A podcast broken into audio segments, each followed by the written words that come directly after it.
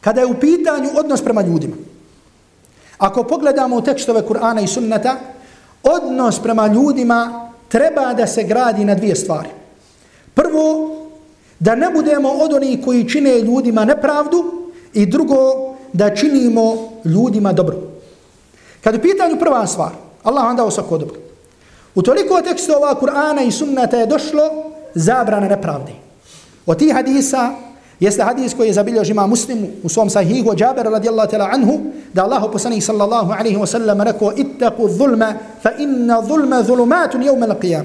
Da Allah poslanih sallallahu alaihi wa sallam rekao čuvajte se nepravde jer je kaže nepravda tmina na sudnjem danu. Allah poslanika alaihi salatu wa sallam u jednom hadisu kaže da su tri vrste nepravde. Nepravda čovjeka prema samom sebi, grijesima i kaže to će Allah oprostiti. Nepravda u činjenju širka, to Allah neće oprostiti. I kaže nepravda robova jedni prema drugima, kaže Allahu poslanika alaihi salatu wasalam, zulmun la yatrukuhu Allah. Kaže nepravda koju uzvišeni Allah tabaraka wa ta'ala neće ostaviti. To jeste neće ostaviti, a da se zato neće osvetiti.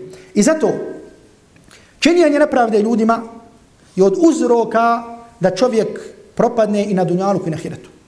I zato Allahom robovi, da ti neko kaže od robova. Da ti neko kaže, Allahu ću se požaliti na tebe. Ili moj i tvoj spor je kod Allaha. Jesmo li mi svjesni šta znači ta riječ? Šta znači ta rečenica? Zamisli da ima negdje kadija na dunjalku, da ima negdje vladar i da ima sudija, da ima kadija koji je pravedan.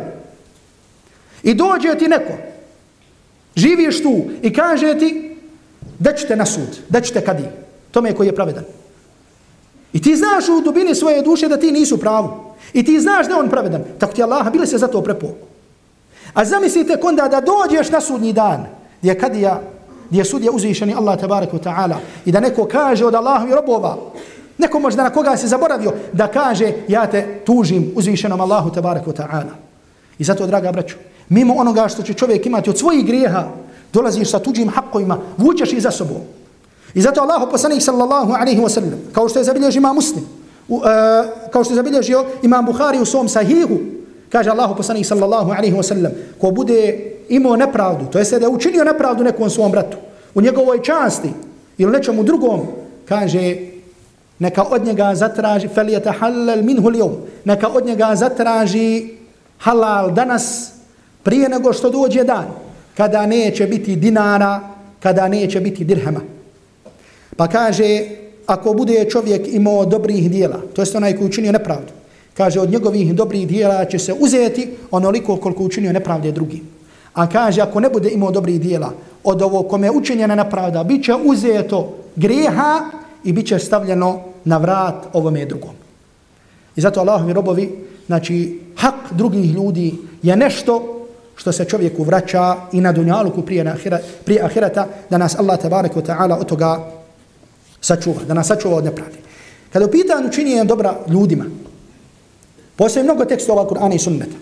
I od toga je sigurno da ste čuli hadise, ko otkloni od vjernika neku tegobu, Allah će otkloniti od njega na dunjalu i na hiratu, ko vjernik učini ovo, Allah će učiniti njemu i tako dalje. Međutim, želim vam ovdje samo pročitati, odnosno spomenuti značenje govora Ibn Qayyima, rahmetullahi alihi, e, za koji kažem, kao što imam običaj nekada kažem u predavanjima, kada bi samo čuli večeras ovaj govor, i razišli se i samo nam on ostao u glavi, inša Allah i ta'ala da smo se koristili mnogo. Subhanaka qad yasarta Qur'anaka lidhikri